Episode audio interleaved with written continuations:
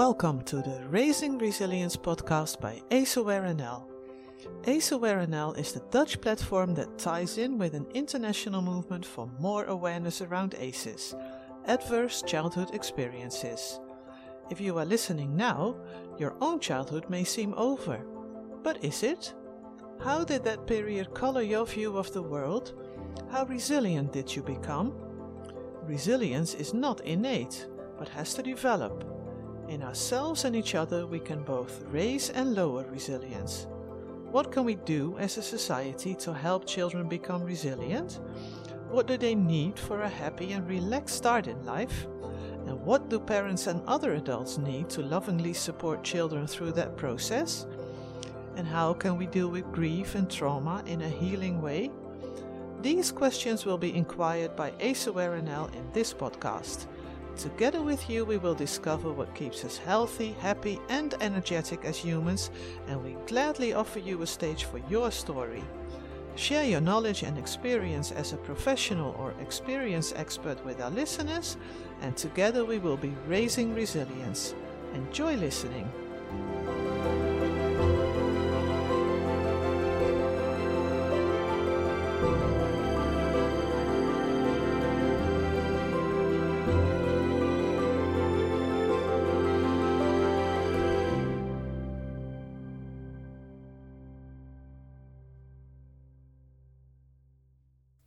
In the previous podcast, in episode 13, we listened to the amazing Suzanne Zeedyk and we heard her speak about the ACE awareness journey of Scotland.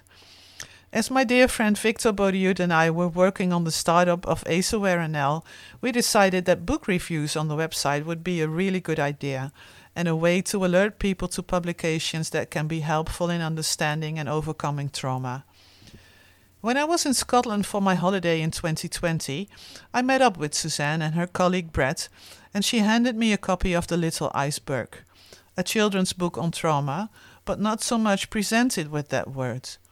The book is written by Nicky Murray and incredibly beautifully illustrated by Sylvia Lynch and published by Suzanne Zeedyk's Connected Baby organization. It tells the story of a little iceberg drifting on the ocean feeling frozen and alone and not knowing where to go and what to do. It gets visited by a bird day in, day out, a bird that does not expect anything in return, but simply comes and constitutes a little something beautiful for the iceberg to look forward to. The book is quite touching, and Vic wrote a beautiful review about it that can still be found on the ACE Aware NL website. The book was a success in the UK, and by now it has been turned into a musical. And today I will speak with Siobhan Argyle, following up that book with a musical. And the book so tenderly explains what it is like for a child to feel lost and drifting in what feels like a hostile world. And by turning it into a musical, even more people can access that knowledge and those insights in a very touching way. And today, as I am still in Scotland, Suzanne arranged for this great opportunity to speak with Siobhan about the musical and about other things surrounding the story of the book. So it is my pleasure, Siobhan, to welcome you to the ACE Aware NL podcast, Raising Resilience. It is lovely to be here. Yeah. Thank you. So nice to have this opportunity. And it was a great idea by Suzanne yesterday evening. I said to her, um, We'll meet tomorrow. Do we have a plan? No, she said, we don't have a plan, but we can make a plan now. And then she said, she fell silent.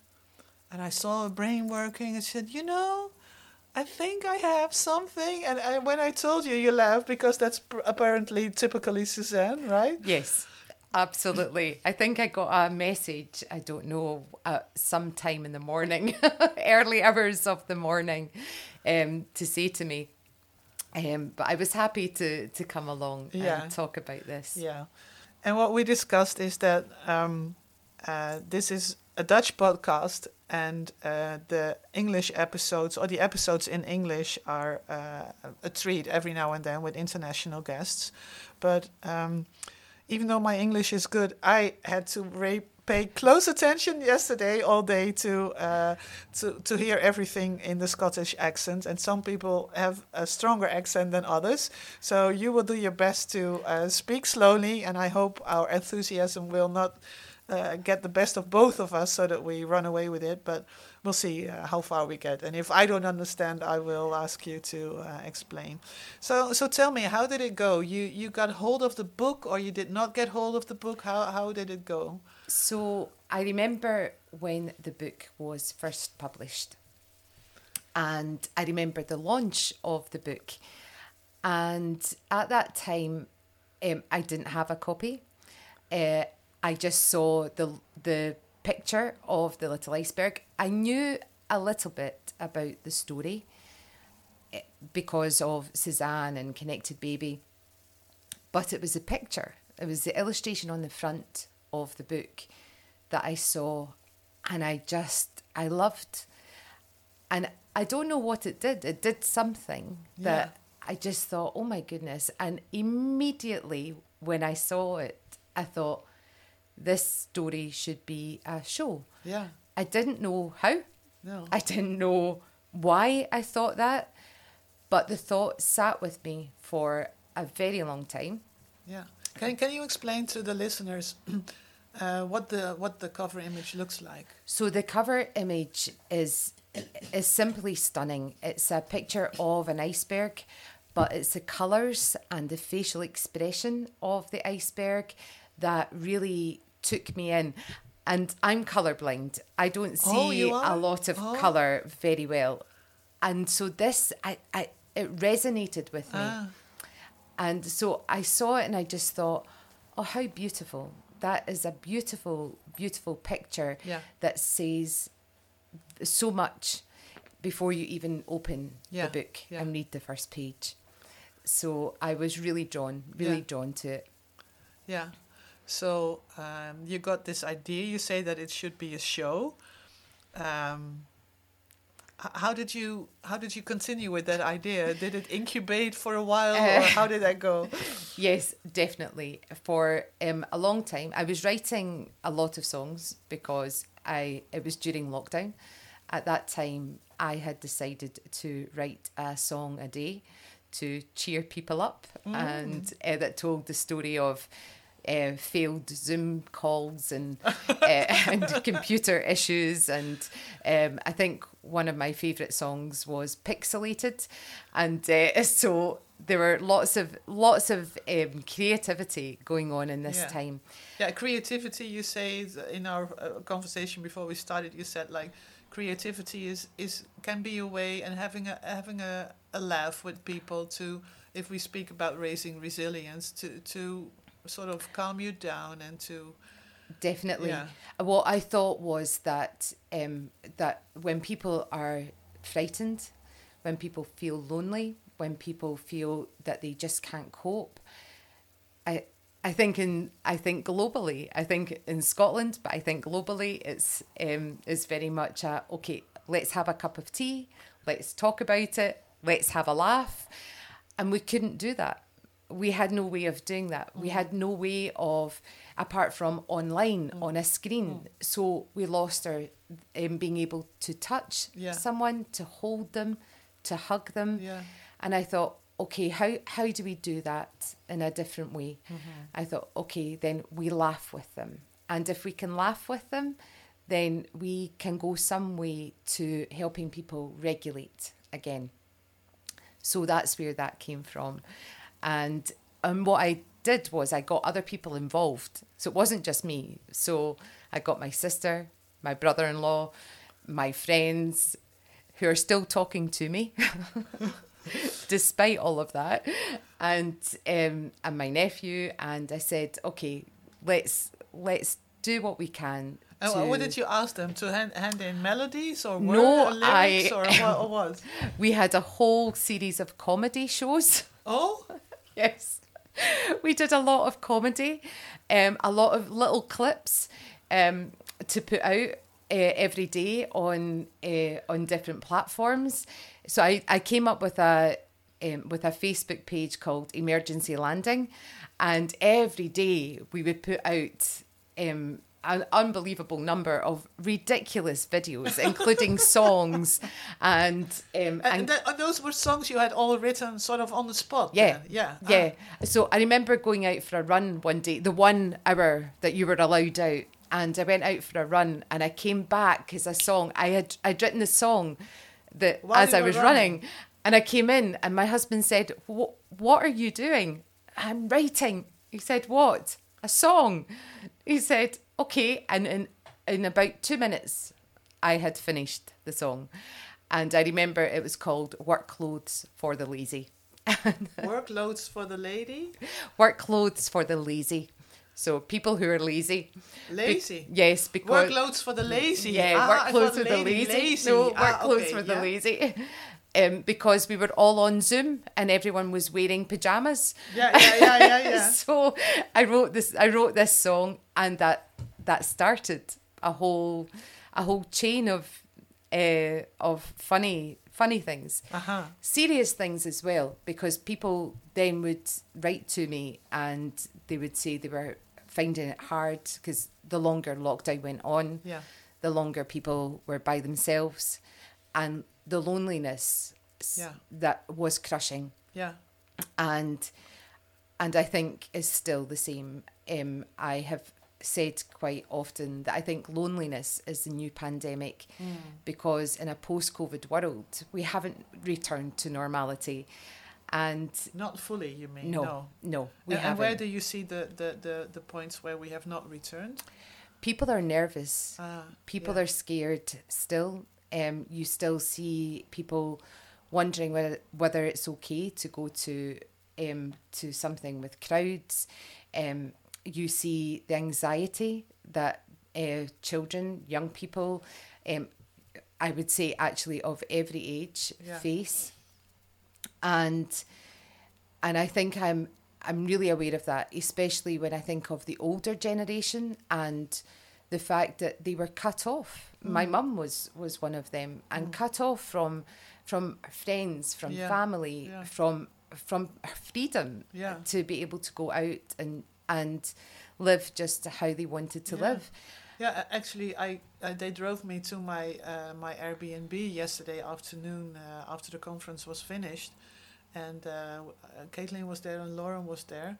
You also work with TIGERS, Yes, yeah. yes, So uh, we spoke about um, taking care of children who have not gone to school for a couple of years. So it's so many groups, right, Yes. who who suffered from missing out on the social contact. absolutely. Yeah, Absolutely, and I do see that in my job because Yeah. yes, I do work at TIGERS, Yeah. and um, and you see it yeah, right through from from tiny. th- yeah. Through So to so what is the age group you work with? Well, I I'm the education manager in TIGERS, Ah. so I work with a lot of the staff who go Yeah. out into the schools, um, and different places um to deliver uh, different training, and definitely I would say that people's anxieties are heightened, um, even to the point of people being able to leave their house and go somewhere, you know, walk into school or walk into a classroom. And of course, it, I think we see it, I think we see it everywhere. I think we see it at all stages and all, um, at all ages and all levels. And I think that COVID, COVID took its toll in ways that we yet don't fully Yeah, understand. because there's different kinds of anxiety i think because uh, you have people who are still afraid that they might get sick if they enter Yes. crowds but there are also people who are worried about the freedoms that are taken away from us and in what ways we might again be confronted with, with measures that will again take our freedoms Yes. away or or will forbid children to go to school or older people to be visited so yeah People were faced with the idea of their own mortality. yeah If you go here, then you might die. And yeah um, and I think that was really striking. And I think I wa- I am type 1 diabetic and have been for 35 years. And there was, there was a sense of if you get this, then, well, your You'll chances die. are not Yeah. good. You're going Yeah. to die. And that, for, for somebody who's type 1, um, I, I speak from a type 1 point of view because ha- yeah that is what I am are yeah we have lived with that for forever. We have lived with this idea that we will die early. Ah, We have lived with this idea that something really bad is going to happen to us if we do not follow all of All- all- these all the rules rules. and regulations and you add a pandemic on top of that Yeah. then what you have is somebody who is incredibly anxious then about life Yeah. and I suppose that's why, for me, it wasn't just about can I write music to cheer other people up. If I'm honest, I wrote it for myself Yeah. as well. Yeah, but you don't strike me as a very anxious type necessarily. So I, I was wondering while you are saying this, uh, for people who have lived with these kinds of threats, so to speak, for a much longer period, was it worse or was it less bad because it was not so new as it was for other people? I could imagine that aspect too. I think it was worse. Worse? Yeah. I think it was okay. worse. And um, I think I didn't really, I think I was suddenly really aware that that my health set me apart. And and I think that that was a really hard. I, I have always um I've always had huge health anxieties because I was told from from the age of uh, Yeah. 12, 11 or 12 that um that you I would I would lose my sight, my kidneys would fail, I would lose a leg, a limb, Yeah. a foot. Yeah. Um I would um and I would die early. And that that has a really marked impression on somebody of that age. I think that has a marked impression on anyone. Yeah. But I think that yes, um, I don't think it got any better with Mm, COVID. I mm-hmm. think it heightened our response even more. Ah. And of course, that that never is an okay thing when um, when you already have a compromised immune Yeah. system. So Yeah. So Yeah. Uh, uh, that makes me wonder how you listen to everything Gabor said yesterday, but that's a whole different topic from what we were planning to talk about today with regard to the little iceberg and the and the book. So you were already in the mood of writing one song after another. yes, So uh, then this idea kept lingering in your head about the the show or the musical that you thought should be written. yeah, it didn't go away. It No. persisted. Yeah. and would pop up at, at random times and and I remember it came into my head again and and I and I thought oh that's right the little iceberg I still think it should be a show and that day I think Suzanne had posted something through Connected Baby about the little iceberg and I, I thought There it is "Oh, again." there it is that's a sign Yeah, yeah. and then The for universe speaking to me. Yeah.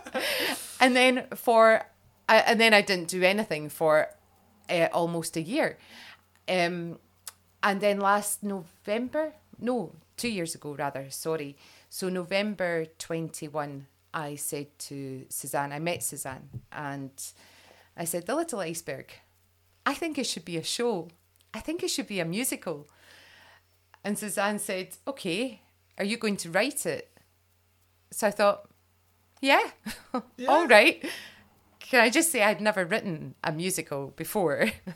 well, if I didn't count the musical Cat that I wrote for a laugh or Dog that I Ah, wrote ah, for a ah, laugh. ah, ah, okay. so I didn't count any of no, those no, the daft things. So I had never done anything like this. Um, so I was given the book in the January of 22 and it was a Sunday and I read the book and later that day I had written the first song and it came that quickly and So you read the book. I read so the book. You, you, your first fascination was with the cover of the book. Yes. And what was it like for you to read the book?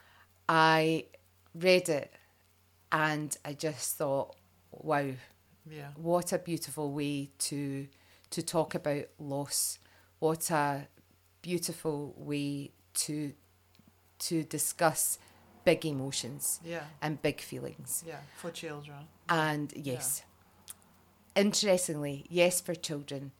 But I think this is what was Yeah. really fascinating because when I started to write, I realised that this message is universal. This message is something that that I think adults struggle, only they struggle in a different way. Yeah. And we repress so many things as Yeah. um, Yeah. we could talk endlessly about yeah. Gabor um, in that context. And so when I wrote the, the music, I was very, I read the trauma guide, I read the book, I aligned everything together. I, it was really, really important to me that I kept the integrity of the book. So I didn't add in mm. anything that, you know, any mm. different mm. angle or mm. anything else. It had to be what was there. Mm. And and that is that proves its own challenge. That proves challenging in some respects because uh, because you're you're working with someone else's work, and I wanted yeah. to do Nicky proud. I wanted mm. to make sure that that the story then that I told through music mirrored exactly what he was trying to. Yeah, you, you uh, mentioned Nicky. Say. Nicky Murray is yeah. the author. Yeah. Yeah. So, yeah. So you did not want him to feel like, oh, I don't recognize my own story exactly. anymore. Yeah. Exactly. So I wanted to keep true yeah. to his story, and that was really important. Yeah. And he's a teacher, right? Yes. So uh, he, he's used to work with children, and that's where this came from for him. Yes. So it's all in the same field, so to speak. Exactly. Yeah. And and that was important, really important to me. Um, so I took I took the book and the music just came. The music and the lyrics just came. And the, the following Sunday I had finished the whole musical. A week. A week. I counted the number of hours. It was twelve hours in total. That's 12 in total, 12 in total. only. Mm-hmm. Wow. So and and do you think it helped that you had been writing so many songs in the in the time before? I think it I think it helped in the way that I thought, okay, I I think I can write a song. I think I'm I'm quite good at writing songs, albeit that most of them have been for funny yeah, reasons. Yeah. Um, so when it came to that, I didn't really even question it, and that's that's quite unusual for me because I, I am not the most confident of people mm. when it and they will Suzanne, Fiona, Frankie will tell you that for ages I couldn't even put my name on the script. I oh. couldn't attach my name to the script. And so whatever you wrote, you mean? Uh-huh. uh-huh. And and I found to this specific to script. this specific script. Ah. Yeah, I couldn't put my name, and I found that really hard, really really difficult. And yeah, and it, it, it gave me a lot of uh, a lot of reason to a kind of pause for thought. I think so. I but I wrote it. It came easily, and because it came so easily to me, I thought, okay, then there's something here. There's something which is important for everyone. So, although the target audience had originally been children, I soon realised that in actual fact, the target audience was anyone mm. who felt lonely, yeah. anyone who was in relationship with any yeah. other person and understanding the importance of connection. Yeah, feeling adrift. Feeling adrift. People who were grieving. Yeah. People who couldn't understand, didn't know what they were feeling, and didn't know how to then. Yeah. To, to how many uh, do we have of those? Yeah, right. Huge, huge yeah. numbers, and so therefore it it suddenly became even more meaningful yeah. to me. I think so you wrote the lyrics, Siobhan, but uh, how did that go? Because then you have the lyrics and you have the songs, but then you have to start uh, rehearsing and stuff and and finding a way of. Did you have this this sort of overall? Uh, target audience in mind while you were writing because I could imagine you use different words or uh, d- different layers, extra layers, because good pieces, good musicals, good theater plays all have these layers. But how did you do that? Because it came through you, sort of. You yeah. said. I don't know. You don't know. But the layers are in there, that. you mean? The layers, yeah, definitely. I think what I wanted, I think what I tried to do. So, for example, there is a scene in the book where there is a storm. Yeah. And I remember I remember how long it took me to write this piece of music and I will tell you that my husband came through with the laundry. He said, I'm going out to put the laundry in the washing machine. And I said, Okay. He said, What are you doing? I said, I'm writing The Storm. he said, Okay. He said, Well, I'll come back in and then I'm going to watch television. I'll see you sometime later tonight. And he came back in, and I was really excited. He said, Why are you so excited? I said, Listen. And I'd written the whole of the storm. And I was, I, I really was. I remember that being like a real point of, oh, guess what I've done? And because I knew how to do it and I knew that it would suit everyone. Because I think that if you, if you come at it from a, what's going to speak to somebody, what's mm. going to resonate with someone, then then you then you have written it. The layers come effortlessly. Yeah, yeah and it's interesting because I, I just I spoke with Suzanne about it is one thing to know something, but it's another thing to feel the effect of the insight. And I, I resonate with what you say because I write poetry. I'm a poet. And I can sit down and then work for hours on a poem.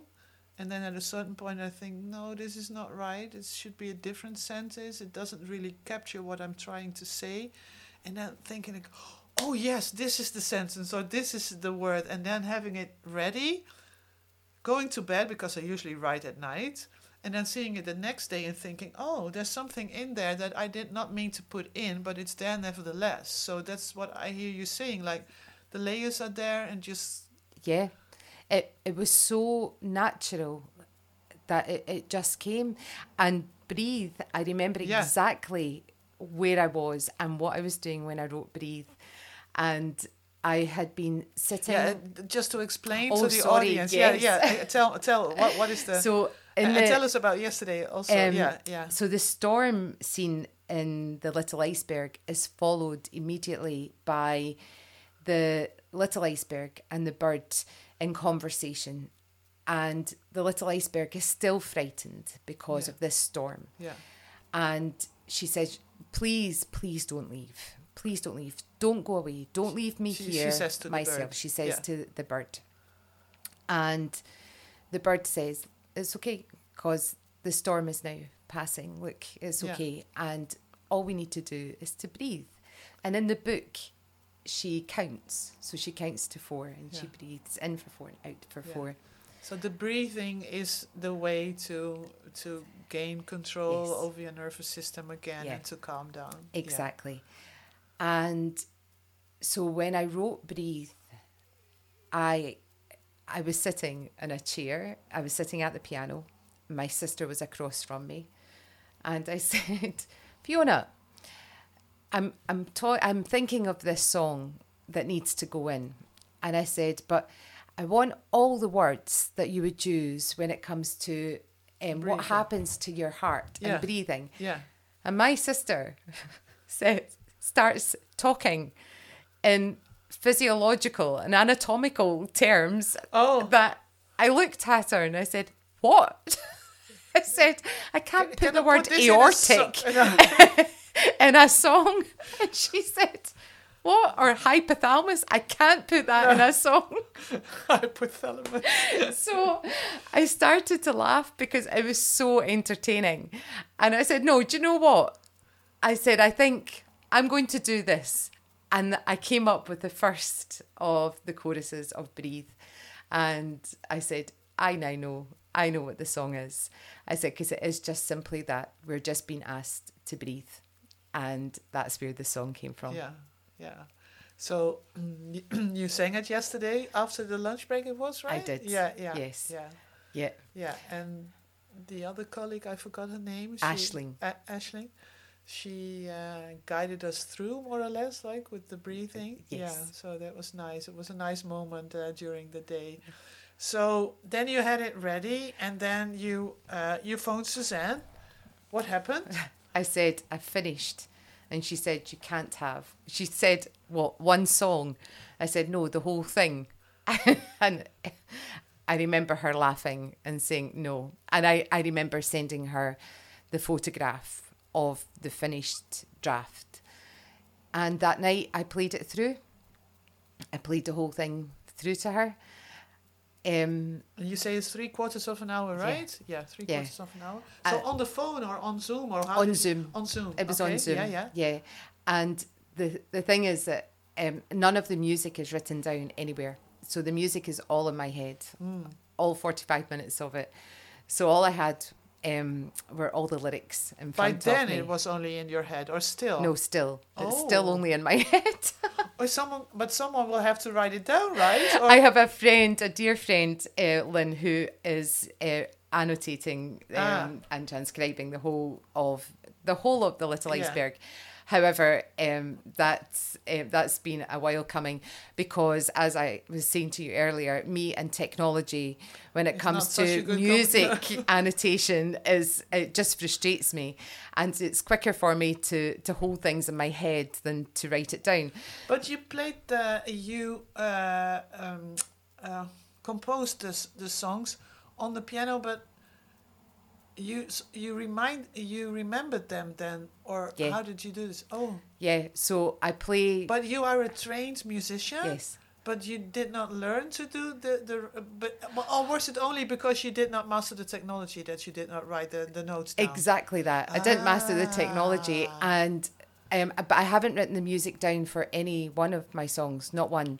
Uh, and not by hand in, in like musical. No, not not in any no. way. So um, so I have the lyrics, but I have never ever written the music down. Ah. Uh, and I am, yeah, I studied music, so uh, it's not that I can't. It's just I haven't had the time.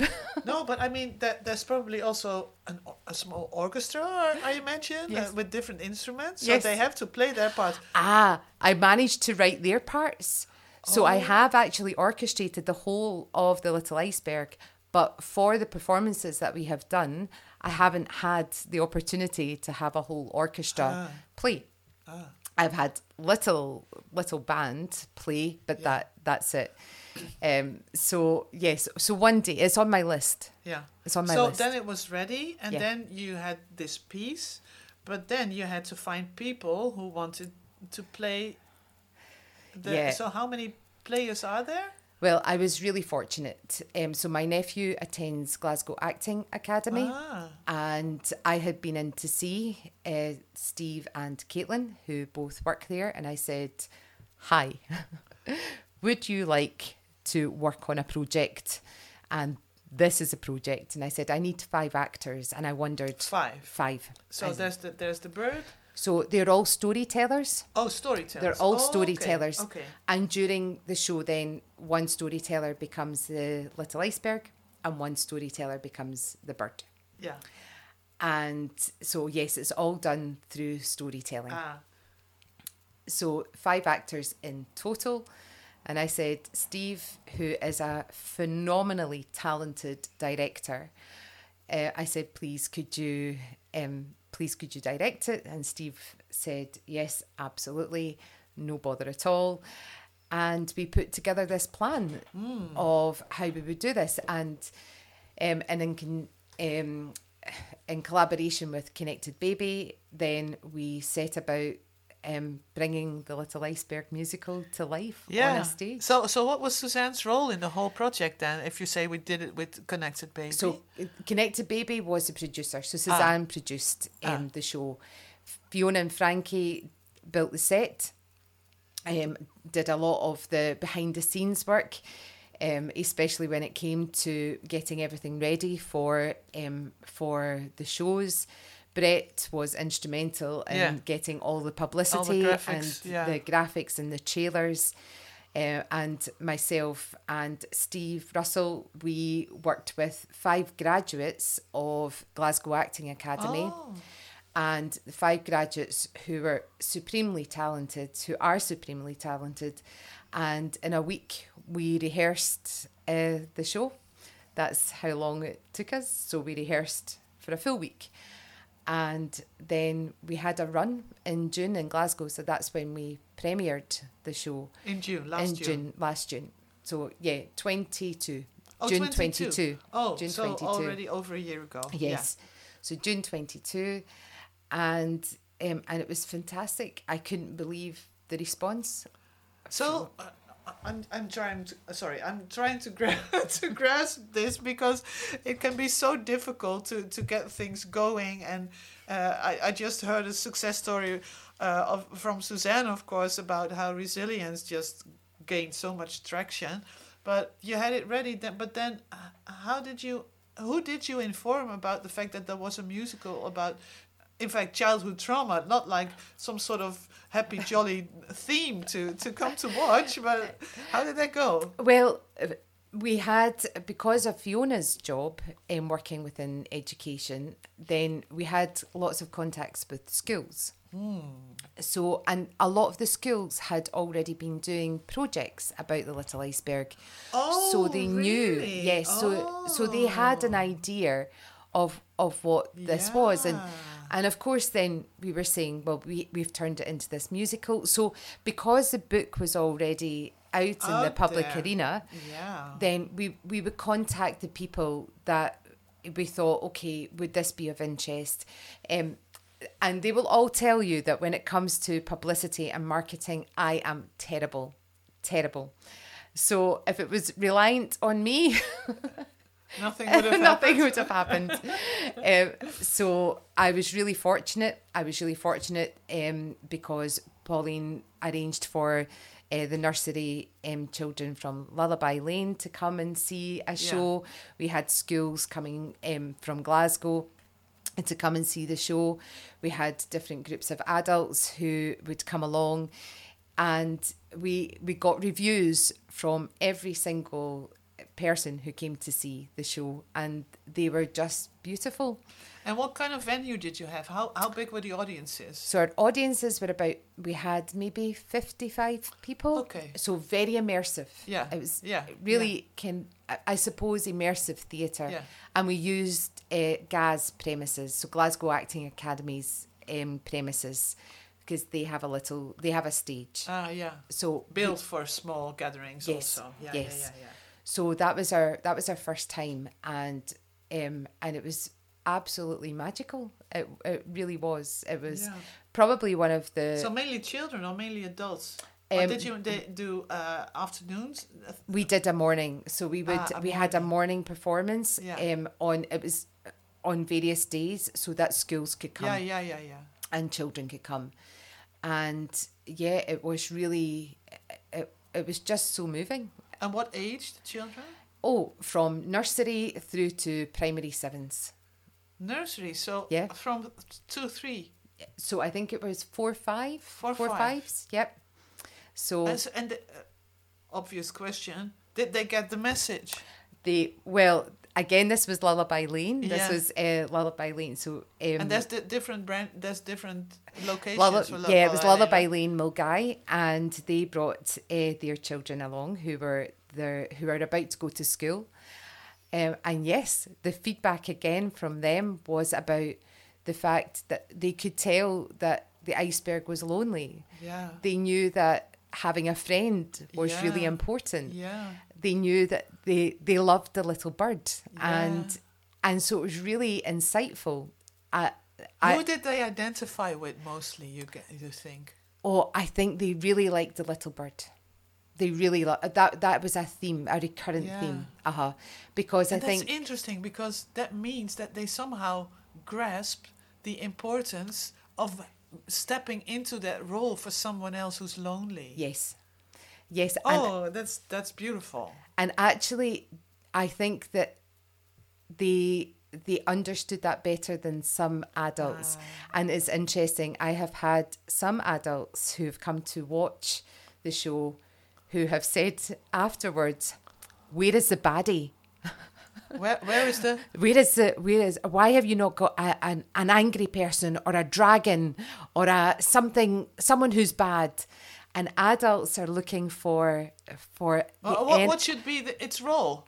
yeah, and but what I find really interesting about that is that children understand that loneliness Yeah. is the loneliness is where the sadness is. They don't need to know the reason why. They they just oh, know the adults but the wanted adults a want they wanted a the- reason. uh-huh. Oh. So, and it was really fascinating. Uh, That that has been really really fascinating. Not not many, but the when people start to Oh, talk this to is, you, Oh, Siobhan, this is really interesting indeed because it, it's so important to realize that you cannot only be a support to someone else if you know the exact reason for their sadness, but you can be a support anyway. Yes, exactly, exactly. And this is one of the things that we have, we've tried to highlight. And Fiona has actually written a letter from the little bird explaining this because that is one of the things is that we don't need to know what is wrong with somebody. We don't need to know why they are presenting in the way that they are. What we need to do is to be there. What we need to be able to do is to build trust, Yeah. to build connection, and to love them regardless, Yeah. regardless of knowing a whole story. Yeah. And and, And I acknowledging that we maybe not know the whole story. Yes, yes, exactly. And I always go back, I suppose, to compassionate inquiry, and that was pivotal in my in my understanding of of Yeah, for the listener, we are compassionate inquiry companions. So uh, we look through a compassionate inquiry lens to many things, of course. Yeah. And the book is very much about compassionate inquiry, in fact. yes, Yeah. and being there and turning up Yeah. on a on a daily basis, Yeah. and for uh, and markedly when you know the the iceberg says, um, or the little bird says, you know, what do you need from me? Yeah. And the iceberg says, hold on tight. yeah. The iceberg doesn't say, sit down while I tell you my whole story so that then you can decide whether or not you're going to help yeah, me. yeah, yeah, yeah. The iceberg says, hold on tight. yeah, which is Be about there. embodiment, of yes, course. Yeah. exactly. Yeah. So it has been really interesting. It's been interesting for me to see how people have reacted. Yeah. And what I have been really aware of is that the number of um, adults who have come to see the show who have left crying Oh, yeah. and who have I have spoken to afterwards yeah. who will say to me I I've been so moved Yeah. and I can't it's brought up so many feelings Yeah. and this is why I think that if we use the creative arts to to work Yeah. with people Yeah. to help them feel that it's okay to feel Yeah. To feel. Uh-huh. and it's okay to to sit in the the hard places Yeah. if you're the if if done in safety Yeah. i think is really really important Yeah.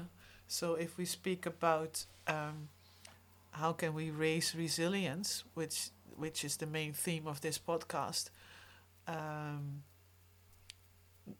it, it, it's so beautifully depicted in the book how uh, the iceberg melts and then feels connected to all else again in the end, and then not like feeling losing itself or its authenticity, but uh, all the stuckness disappearing, and then the iceberg still feeling itself, although it's dissolved in its surroundings. So the the whole the whole writing of the book is also very insightful in a very accessible, simple way. And if you have more knowledge about the topic, you can identify the Yeah. the, the the infinite wisdom that is implied in the in the book. I think. absolutely Yeah. absolutely and i think that i go back to one of the other pieces in the the musical and the book where the the little the little iceberg is confused because she says i don't understand she says to the bird i don't understand how you know where to start chipping away i Yeah. don't understand Yeah. i don't understand how do you do that and the little bird says i listen to your story and i hear Yeah. I listen to your story and I know. And I think that is a really beautiful moment in both the book and in the musical. Mm. Because again, what it shows us is that if we have one person in our life, yeah. if we have one person that we are able to go to and to trust, and that we know like there is that real deep connection, then I think it I I think when we talk resilience, I think that's so important. Yeah, it's interesting. I spoke about it with Suzanne on the way here. Um, I, I, I have a, a- friend uh, who has been silent for a long time now, and um, I'm on the one hand, I'm worried. On the other hand, to worry about someone else is to some extent paternalistic because you say, I don't trust you being able to walk your own path. Uh, so I have to worry. I have to fix. So I don't. I don't want to worry. Uh, compassionate inquiry is especially a place where we are not supposed to fix. They're Yeah. not ha- are not supposed to have an agenda, but the the connection I see with with the little iceberg is that this bird keeps coming. It doesn't get anything back from the iceberg. It just keeps coming. I don't. It's unconditional. I don't expect anything back. I see that you're suffering. I see that you have a hard time. I'll come back tomorrow. I'll be there again. But many people say, well, if you don't hear anything back, why would you keep staying in touch with this person? Why would you do that? Let go. And I, sometimes I'm sort of torn, you know? And I discussed it with someone else uh, in my own therapy because in compassionate inquiry we have to have our monthly Yes. therapy sessions. and I discussed it, and also in a triad or a dyad session, I discussed it like if you don't let go of someone, even though there is no response, is that a trauma response from yourself in the sense of uh, working so hard for the attachment, for the connection? Or can there be a point where you have learned that it's not about the, the, the, the, the craving or the codependence within the relationship, but about unconditional uh, true presence and saying, okay, I love you, even if I don't hear anything back from you. I, I keep I keep staying in touch with you because somehow there is this intuitive knowing that that you need the attention and that you need to know that there is someone who does not forget about you. because I think it's not just unconditional love, I think it's unconditional care. Where we, because I often think of this on the reverse. And I think of the times where I have found life difficult. Exactly. I think of the times where I have I have gone back into myself Withdrawing into withdrawing yourself, yeah. completely when I have felt that I don't want anyone else around me. I go into the iceberg mode yeah, yeah, yeah. and I can identify with that part of her character. yeah.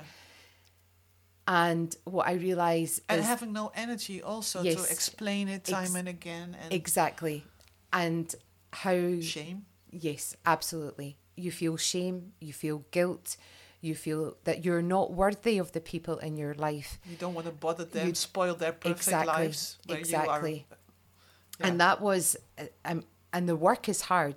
oh, The work is absolutely. Gabor was right Yeah. in the conference yesterday when he said um, that this is a process not for the faint-hearted. It's not for the faint-hearted. It is not for the faint-hearted. I can absolutely guarantee that Me you too. go into it and you have to be prepared for everything which is going to come back. I was nervous starting. I don't know about you, but I was nervous I was starting once I was was uh, was admitted. I was terrified. I terrified. knew I knew that it was going to happen. Yeah. And I think that I I learned so much. I learned so much about myself that I possibly didn't really want to know and want to learn. But what You it- thought beforehand, you mean? Yeah, yeah, Yeah. yeah. but I have to say it was absolutely pivotal in my own relationship and understanding my own relationship with self and my relationship with others. And what I'm really grateful for is the people in my life who were like the little bird and who Yeah. did not give up on me, even if there was silence, um, even if there was discord. And I think And then not becoming angry, not Yes. pulling at me, Yeah. not anything. Exactly. Yeah, and that so I think when I write music, when we talk about layering, yeah, that's what is in my head. That's Yeah. what's in my heart. yeah. It's in your heart, It's and that's where heart, it comes yes. from. Yeah, And I think, okay, what would I want somebody else to know? I would want them not to leave me. yeah. And even if I can't respond Yeah. necessarily in the way that they want. And And, if- maybe unconsciously even thinking, how far can I go before they leave me? Because that's what you hear when it comes to trauma. That people sometimes say, "Yeah, they're pretending now they love me, but just wait and see."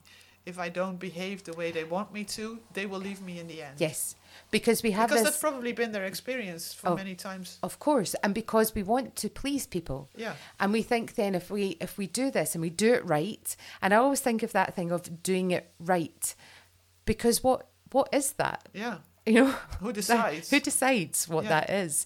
So I think I think all That, of that's the myth of normal. Yes, absolutely, absolutely. Yeah, Yeah. exactly that. Yeah. So I think it is really interesting, and I think that um, for me, I, I think I think you said something earlier in in one of our discussions, and you said about it's sometimes people can't deal with something when it's so stark, and you know you we talk trauma, Yeah. and people don't like that word. You know, I remember being asked not to use the word trauma Yeah, in a in a yeah yeah in Yeah. a an event I was running for staff in a previous job and and I thought okay and so I understand the nervousness that surrounds it Yeah. but what I also understand is that metaphor works that Yeah. the creative arts work Yeah. because you can present a similar idea in a different way which is safe for people to explore and is safe for people to understand and to feel and I Yeah, think because if the metaphor is well chosen, it will resonate, yes right? yes Yeah. exactly Yeah. exactly Yeah, because uh, there was this one person yesterday that Gabor worked with, and Gabor was standing very close to us while he was, was doing the work with this person. And afterwards, I went to this person uh, to give them a hug. And uh, I'm not in a hurry when I give someone a hug, you know, just hold and be still. And I felt that they were trying to get away. And, and they said, uh, oh, oh, oh, let's stop now because otherwise I will start to cry. I said, well, that's okay. yeah I said, you know, the tears are seen as the melting water of the frozenness. And in fact, that is what the book is about. How Yes. the how the the, the unconditional presence of the bird uh, makes the iceberg melt.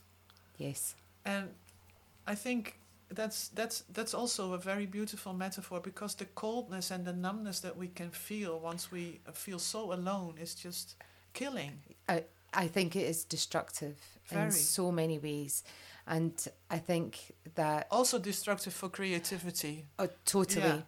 And so which an is antidote then. which is why it is no surprise that we cut the funding for the creative arts because the people that will make those decisions I would hazard a guess that that they come from a background also of different traumas.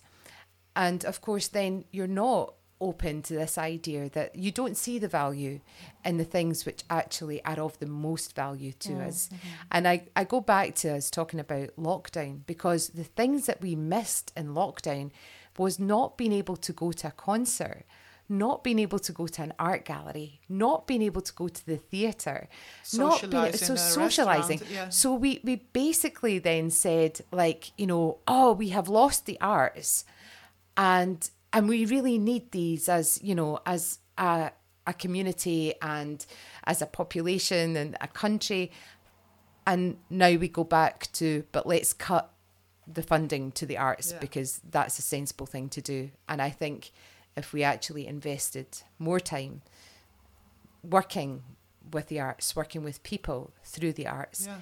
we would have, we would see, I think, Yeah, because it of course it appeals to to those heartfelt thoughts and experiences. But if you say uh, what's the word divide and rule or di- divide and, And conquer, conquer. yeah. yep, So it was very divisive. Yes, I think all the, the cutting of the contact and p- people are more easily manipulated once they are in fear. Of course, and and separated, of course. yes, Because if you have a bunch, I remember you telling the story earlier this afternoon about you creating a bunch within compassionate inquiry and and then trying to achieve something while while uh, uh, uh, certain things were not going too smoothly. but of course, we all know that if you if you are with a bunch, we all become more courageous because we we know innately we know that we are vulnerable Yeah. on our own.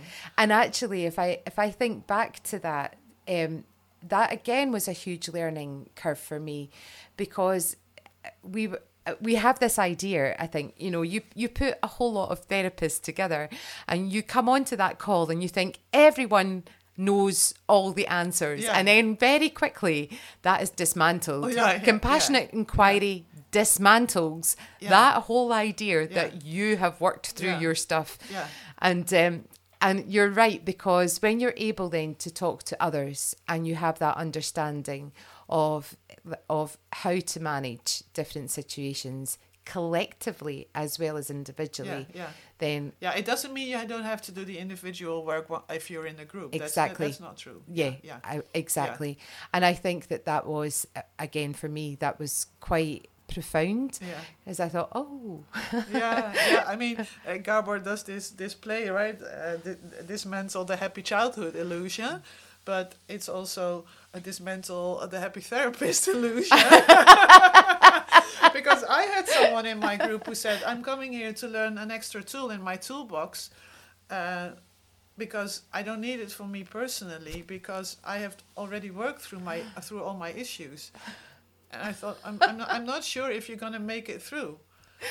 Uh, if if if this is your if if you honestly believe this, it is i i can i'm laughing because i heard that so many times um as well and i thought gosh i don't think there is ever ever, a time when you have worked through all your issues. I was really moved yesterday um when gabor was working yeah, with this at the individual and and i thought why uh, the the feeling of overwhelm was really obvious, really powerful and Yeah. really I was like, oh my goodness. yeah, And I thought, what was it? What was it about that that yeah, that took me slightly Yeah. by surprise? And I thought, okay, because I suddenly remembered the intensity of the compassionate inquiry sessions. And I also thought, okay, you're saying something that I have put away in a corner and and thought, okay, that's fine. I don't need to deal with it. And of course, there isn't an escape. lock it away Yeah. so it's no longer there. And, yeah. and I think Gabor said one thing yesterday, and it and it just You're I a thought, tough nut to crack. and I yeah. thought, oh gosh, I can't breathe. I've got that thing, and which is ironic for someone who Yeah, wrote yeah, a uh, song uh, called yeah. "Breathe." so, what was the what was the remark? Um, I think he said about how we always um, want to please our parents Yeah, from a from an early Yeah. child Yeah. childhood, yeah, and and I thought, yeah, yeah, that's what that's what I remember. yeah, yeah, yeah. yeah. and and I think um, it made me it just made it caught me off guard. It caught me off guard because if I think of who I am now, then Compared to yeah, yeah, and I thought, gosh, when we when we step back and we we look at ourselves from the outside, then I think you see yourself in a t- in a different light because you if you're if you're being objective, um, and I think it's all the places where I go, oh, do you know, I haven't. I haven't actually done with that. And if I think of yesterday and, and looking after the things I was looking after, yeah. In, in um, your role in as my facilitator, role, yeah, and Uh, and I was so. I mean, I hadn't slept for about three days. Uh-huh. I had had no sleep because I was so anxious that I would let someone down. yeah, and, it, it, that, that's sort of Freudian, right? yeah, completely, completely. Yeah. And I thought, my this is this is ironic. yeah, yeah. But the, I mean, even Gabor admitted uh, having bashed himself up over last Monday, where he felt he did not yeah, uh, achieve the result he, he aimed for, or how he's used to to Yeah. uh, present. But um, I, I, there were several moments in the in the CI uh, sort of CI short interactions Gabor did yesterday that that also made me aware of the the growth I have been able to uh, achieve since I started in February, because I, I knew, of course, what Gabor was working towards. then when he said, "You're a tough nut to crack," I knew exactly which the point. Yes. You must have felt Yes, the I same. did, like these are the points he does not getting through there. He's not getting through there. He's not getting through there. And I did not think.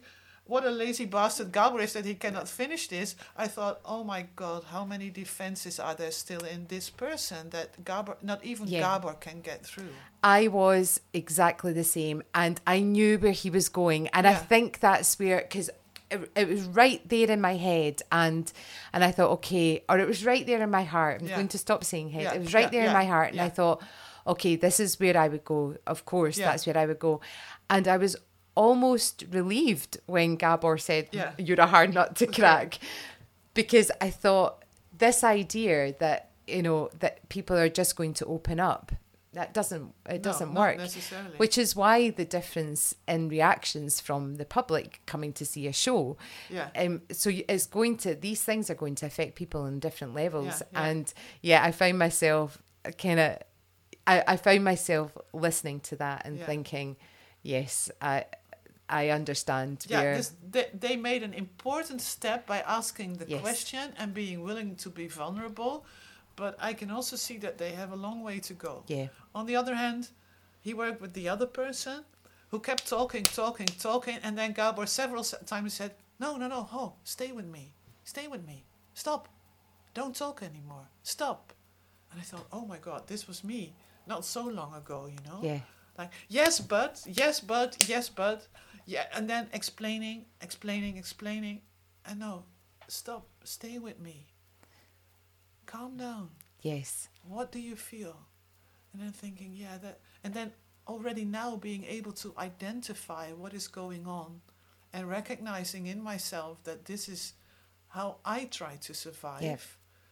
And how most of us try to survive by trying to explain everything and to come up with excuses and to come up with reasons, like you say, from the head and not from the heart. And then really being silent and then thinking, what the heck do I notice inside? Which Yes. is something that's very beautifully, literally and figuratively illustrated in the little iceberg. And I was going to say because yesterday in the silence, I remember Yeah. in compa- I remember when I was doing the training, one of the sessions I had taken, the um, the facilitator had said, "Okay, you didn't let the silence last long enough."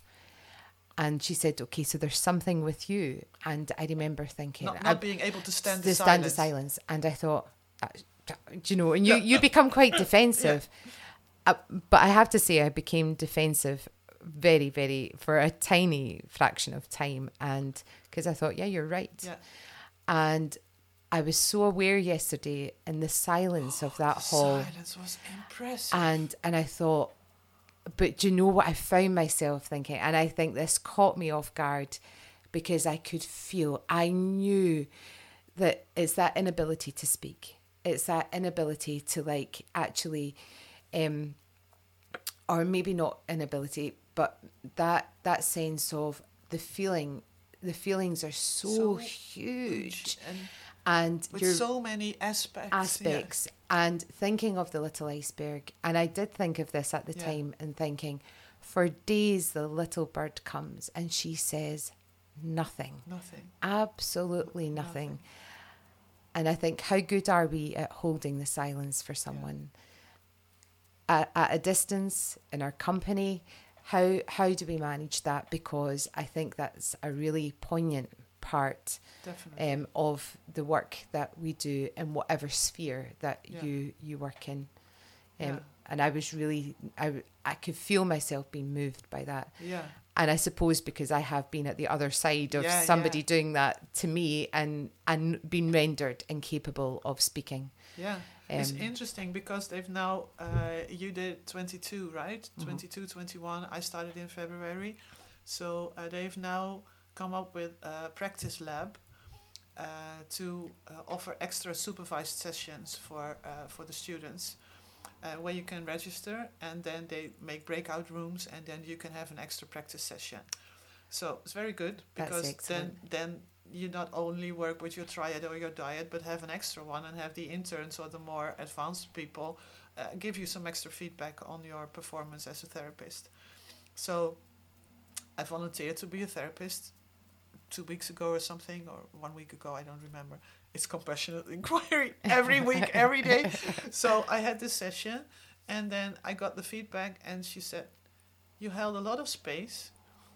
And I was like, Fuck yes, I held a lot of space. That's that's, uh, and then I said to her, That is really a huge achievement for me, because I would come up with a solution, maybe, or a thought, or I don't know. And I was sitting there watching my client's face, sitting, watching, moving my head from left to right as if I could, on the screen, circle around her to see all aspects of, of her face. And I saw the eyes just moving, yes, shutting down further. I saw the mouth move, and I thought, she's still busy. So I kept shut, and it lasted to the point where I thought, maybe this is too long because we only have a 10 minute session.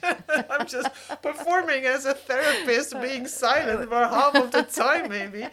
But then I thought, maybe now. And then she said, yeah, so. And I thought, okay. But it's difficult. And to Yes. see this little bird do this with the huge iceberg. Yes. Also, I think the dimensions, the proportions are also interesting to sort of depict how big it can be, all this frozen sadness. And actually, in the And musical, then such a little bird. Yeah. well, in the musical, the the song that goes with that is called "Who Is She," and it is the the lyrics are "Who is she flying all around? Who is she making not a sound? Could this be my imagination? Is she there? Does she care?" And so is this so her whole is is a monologue to herself going you know who is this person? And and you know are they going to are they going to stay? Are they going to go away? Are they going to come back? So you see the Can conflict. trust? can i trust? Yes exactly. Should i push it away? Should i not? What am i going to how am i going to react here? And i think the beautiful thing with that is that the little bird maintains she's consistent in her Yeah. approach. The consistency. and I think the consistency has got to be one of the key things in life that I suppose I have learned is that, okay, I, no matter whatever response I feel, then it's my response, it's my responsibility. Yeah. It's not yours. Like if I'm angry because you've done something, like actually, that's about me. Like, okay, you might Yeah. have done something Yeah. daft and I might Yeah. be annoyed about it, but if I if my anger is, you know, then then it's I have to look at that or yeah, but- and it's still up to you to choose whether you let me know that you're angry. Exactly, Yeah. exactly. And I think then that thing of okay, so in those circumstances, what's the most important thing? Yeah, that I'm, I suppose, consistent with that, and I go, okay, but how do how do I choose to to present? But that I don't think is, is easy. That's really hard. It's really hard. And Really also, hard. you know, you can say, what made the bird come back every day? How did she know that the iceberg was not frustrated with her and say, well, bugger off. Why do you why do you come every day? I didn't ask you to come. But I've decided that the consistency is important in the sense that as long as I do not hear from someone else, I don't want your attention anymore. As long as I am still able and willing to provide that attention Yes. from an honest place of love uh, for that person, why not? Absolutely. It's up to them then to say, uh, I'm done with it. I'm angry with you. I ignore you because you treated me so and so. As long as I do not hear that. But it's hard because I remember uh, my parents divorced. Uh, my father uh, remarried uh, with a woman that my sister also knew and had had very intimate conversations with, also about what it was like at home with, with two parents struggling. So then, when they got married, she was afraid that this woman would tell all the secrets she had shared with my dad, although they were not meant for my dad. She had shared them with his now wife. So she turned away from my dad. For years, they were hardly in touch. And uh, my dad would keep sending birthday presents and cards and inform, and then he would check with me whether she had received her birthday presents. It's a bit difficult, but at a certain point, apparently, my mom said, Either you say, I don't want your gifts anymore, or you thank him, but it cannot go on this way. But she did neither. But my father kept sending presents, he kept the door ajar. Yeah. And that allowed them later on to reunite because he had never shut the door. She didn't have to open it, he kept it open. Yep. So she died when she was 32, but she was at peace with my, with my father when she died. And her relationship with my mom was more complicated, but he, he kept taking care of her. Yes. And then I find it difficult sometimes to figure out whether this was sort of pathological attachment behavior on my father's side or genuine unconditional parental love for her where she could step back in when she was able to even though she had not been able to all those years. So these are very like you say it's hard to find the the the, the balance or the right interpretation. But a, a book like the little iceberg where the where the bird keeps coming without getting any feedback it's it's a fascinating thought Yeah, it really is. And I think it is, it's about the fact that somebody's not given up. They, they've not given up. And even, but, but I think also what the little iceberg illustrates is the fact that when when the ice cracks and the bird flies away because she gets a fright and then she comes back and the iceberg is angry as you would be because she's gone away and left her. And she says that but you went away and i'm angry. Do you know you went away. You didn't ask me. Like what where did you go? You left me here all alone again. And i remember when i wrote those words like and i thought how would i feel if somebody left me? Oh, i'd be raging. And so it's this idea of like again we talk like when like it's okay to be angry. It's okay to do exactly that and to say i'm angry because you left. I'm Yeah. angry because this happened. And then to be aware that underneath there is this huge fear of again being left Yes. alone. And a huge fear of rejection. Yeah. A huge fear of not being loved, a huge who you fear that you're then going to be left by yourself again. And ultimately, I think that comes down to our search, continual search for belonging, our continual search for acceptance, and our continual search for connection. Because ultimately, I don't think there is a human being alive that at the core, that connection is not something which is hugely important to them. yeah for everyone yeah yeah definitely so it's um, um, I, I got the book from Suzanne when I was in Scotland in 2020 she gave it to me I loved it um, uh, like I said um, we read it uh, Vic wrote a, a book uh, review uh, I translated it already, so it's translated into Dutch already. So, in fact, the only thing we have to do is get it printed and published and then spread somewhere. I don't know. But now we had this sort of imaginary idea that maybe we could translate the musical into Dutch and bring it because I think there's more attention and also uh, for um, sustainable education and stuff like that and trauma informed education and it was this might fit in beautifully so um, maybe we can look Oh. into it That is uh, that's exciting. I, I've um, yeah, I, I've always thought I wish I could find a way to translate it into Gaelic. ah, Um, and but then I speak Spanish and Portuguese, so Ah. I think, oh yeah, can we do? But then I think, no, okay, just just concentrate on this one. But Yeah. I think what you have said with the book already having Yeah. been translated and you having done that. Um, And me being a poet and a translator. exactly. Then We can work, Siobhan. exactly, exactly, because ultimately it comes down to, it comes down to trust, doesn't it? And Yeah, and I mean the fact uh, we're both into the topic. I know what you're trying to say. If I read it in English, Yes. I, I, actually I write my own poetry in English, so uh, I would love to have a look at it. So let's do that. yeah, let's yeah. absolutely because I do think um, I think that again the arts are accessible to people. Yeah. Music is Yeah. accessible to people. I would like to think I think we have shown that this is accessible Yeah, to people, um, and I think having a whole auditorium sing the chorus of "Breathe" yesterday shows that it's accessible to Yeah. people, um, and I think that that would be that would be quite something, and Yeah. I would certainly certainly be up well, for. we can definitely look into that because uh, our daughter is a singer. Uh, she uh, composed a three quarter of an hour piece for her graduation at the conservatory, and um, uh, former neighbors of ours. Uh, they have a daughter who plays in musicals and in a, uh, and is involved in a company that produces this these musicals. So I think I do have a couple of entries that I might approach. um, so where do we find the time? This is always the biggest challenge, right?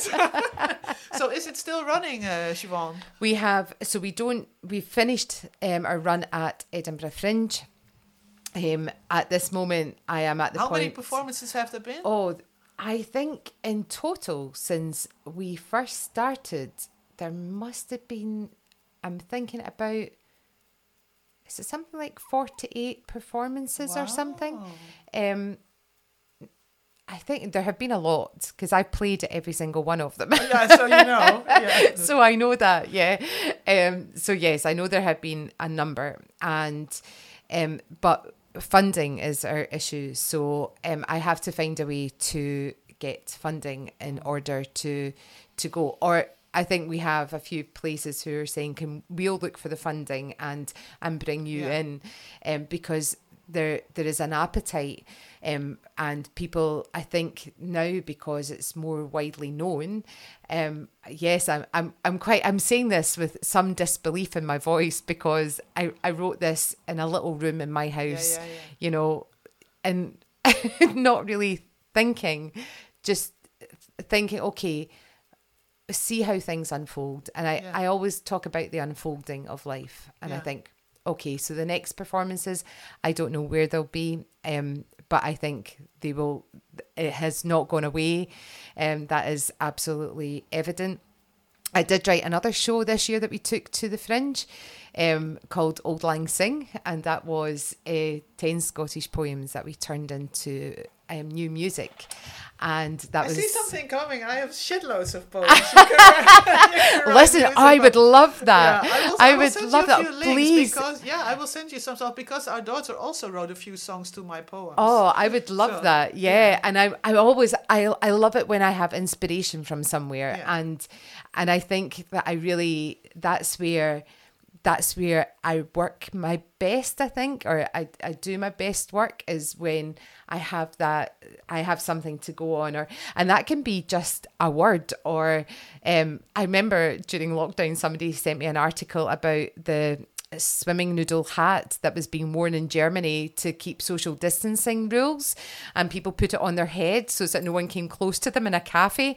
And I saw the title of this and I thought there we go and Another wrote a song. song called this is super duper swimming noodle social distancing cap from Germany and it made Was me it- laugh Was it a, was it a funny film clip with the, there's this guy who also did something in a swimming pool with a swimming swimming vest or something? Is that what you mean? I don't know, but I saw. I, I must say, I've still Oh. got the article, and you can see all of these people in a cafe Ah, ah. wearing swimming noodle hats. and I thought that's genius, and Yeah. uh, so I think that's where I, I best work. And so I did. I the the Scottish um the Scottish material came to me in a flash. Mm. Yeah. Again, it was one minute it wasn't there, and then the next Yeah, minute it yeah. was, and I thought. Oh, oh, okay, and I have a yeah, show. But, yeah, but probably all this stuff is incubating, has been incubating for a longer time, right? I think that you're absolutely right. I think um, when I moved to Tigers, Um, When was that? that was in 2021. So I moved Yeah. during COVID.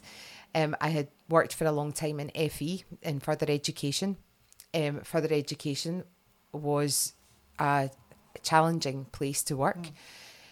Um, it was it was difficult. It was stressful, and and I think I yeah I, I think I kept a lot of my creativity in a Yeah, in a little box somewhere yeah. contained yes and i moved to tigers and um and i said this to pauline that that that gave me um something that i can't really explain because No. i had just done the the ci course Yeah. and i was finishing the ci Yeah. course and had moved to tigers there was lots of changes um, going on my dad had died um, during covid lots of things had kind of you know Hmm. kind of come i suppose to to make this space where i thought okay and i'd asked my dad you know when he was dying i said you know please like give me a gift of send me something like you know that i don't know for healing for for all of these things.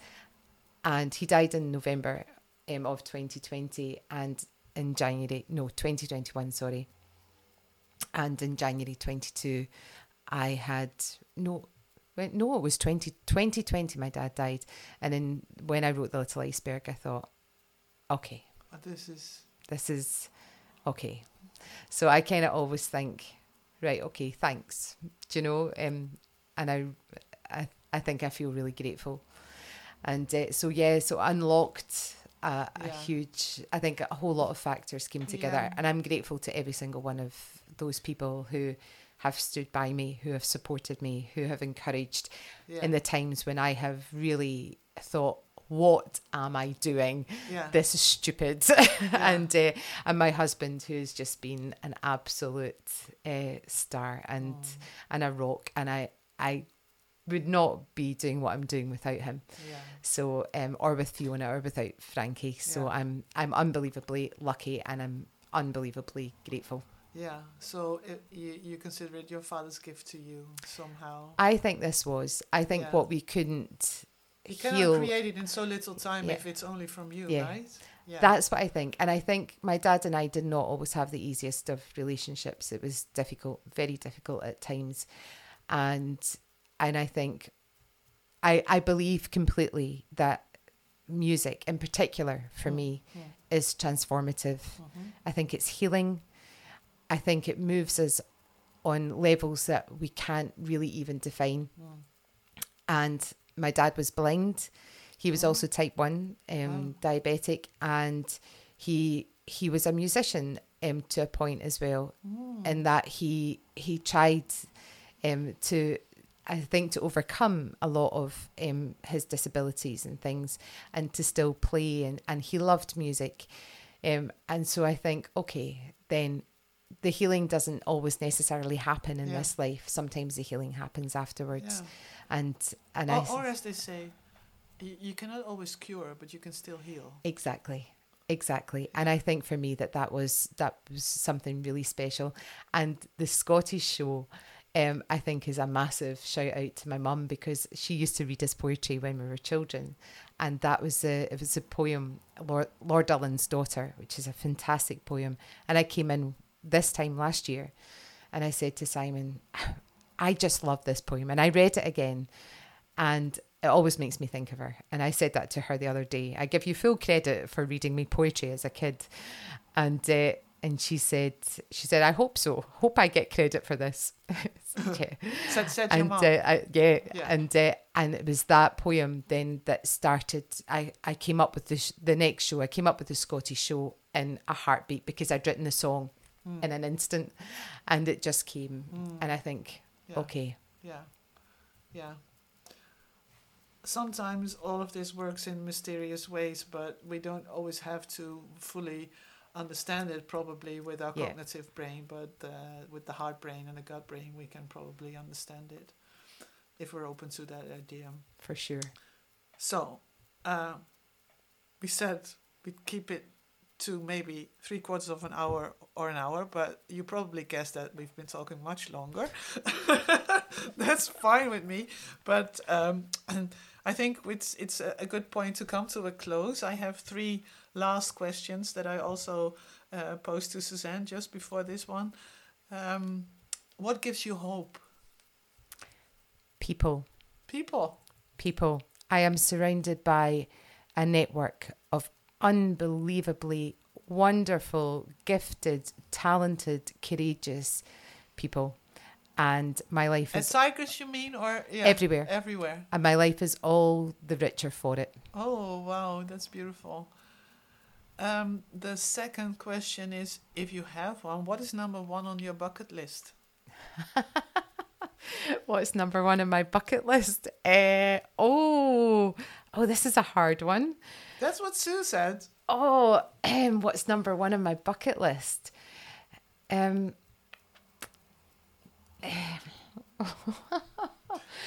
oh, that's a real, real, real challenge. Um, my my bucket list is huge, um, but I think probably number one on my bucket list would be that. Um, number one on my bucket list is probably the I have written a third musical, and it's almost complete.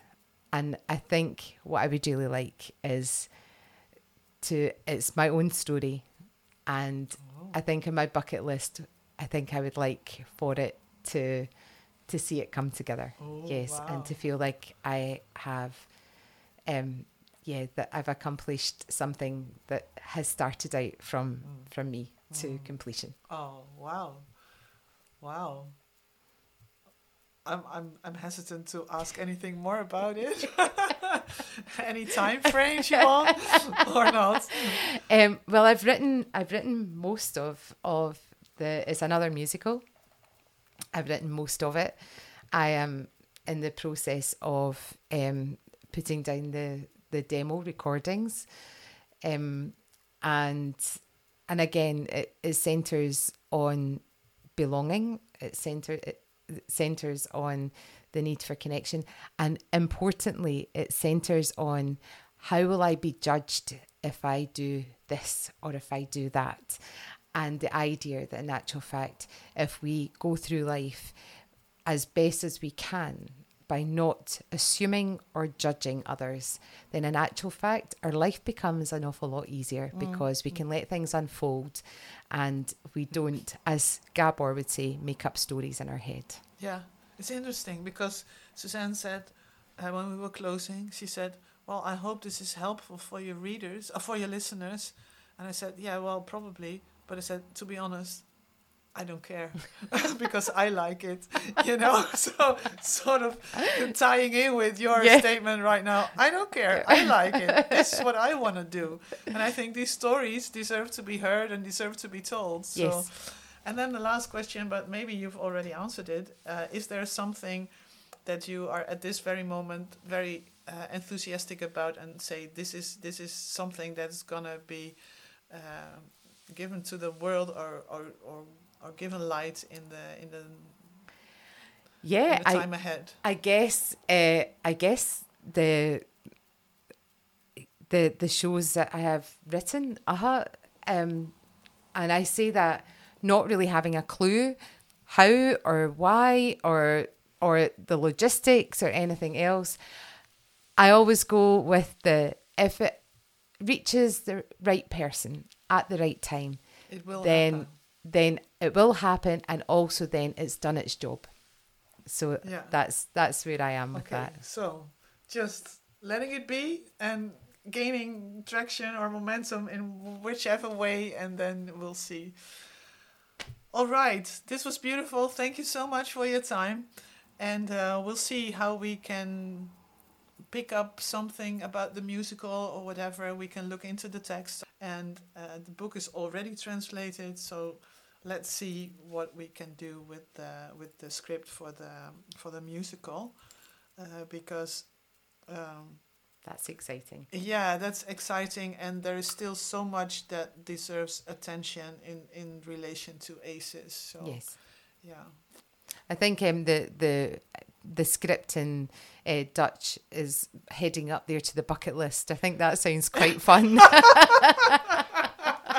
okay, okay, we'll we'll see how, how that works out because I came here and I thought, okay, as as soon as I'm on the train towards my trip for these eight days away from home, there's nothing I have to do. Just let it all come over me and enjoy it. But it's you know how it goes. Once you go back home, you think, oh, oh yeah, no, there's all this work and I have to integrate all this and the whole lot. And there's case studies to write for compassionate inquiry.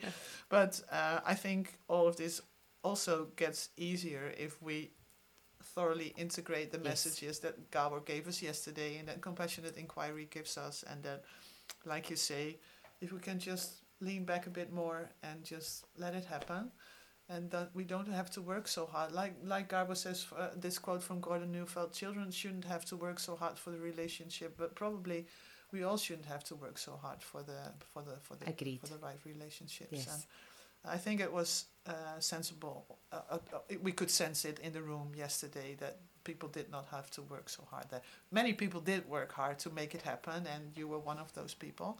But um, we, we did catch a flow, I think, with all of us, and it was an amazing event. Thank you for organizing that as well, and we'll see what comes out of all this. I'm very grateful for the connection to the Scottish commu- ACE Aware community because it was very inspiring and supportive for me too to know that even if I don't have ACE awareness colleagues in the Netherlands, that there are ACE aware colleagues. Absolutely. So um, yeah, that's that's beautiful. So thank you for your work and um, for your time for now, and uh, good luck with everything on Thank your you. program. Thank Okay. you so much. It's You're been a pleasure. Yeah. Thank you.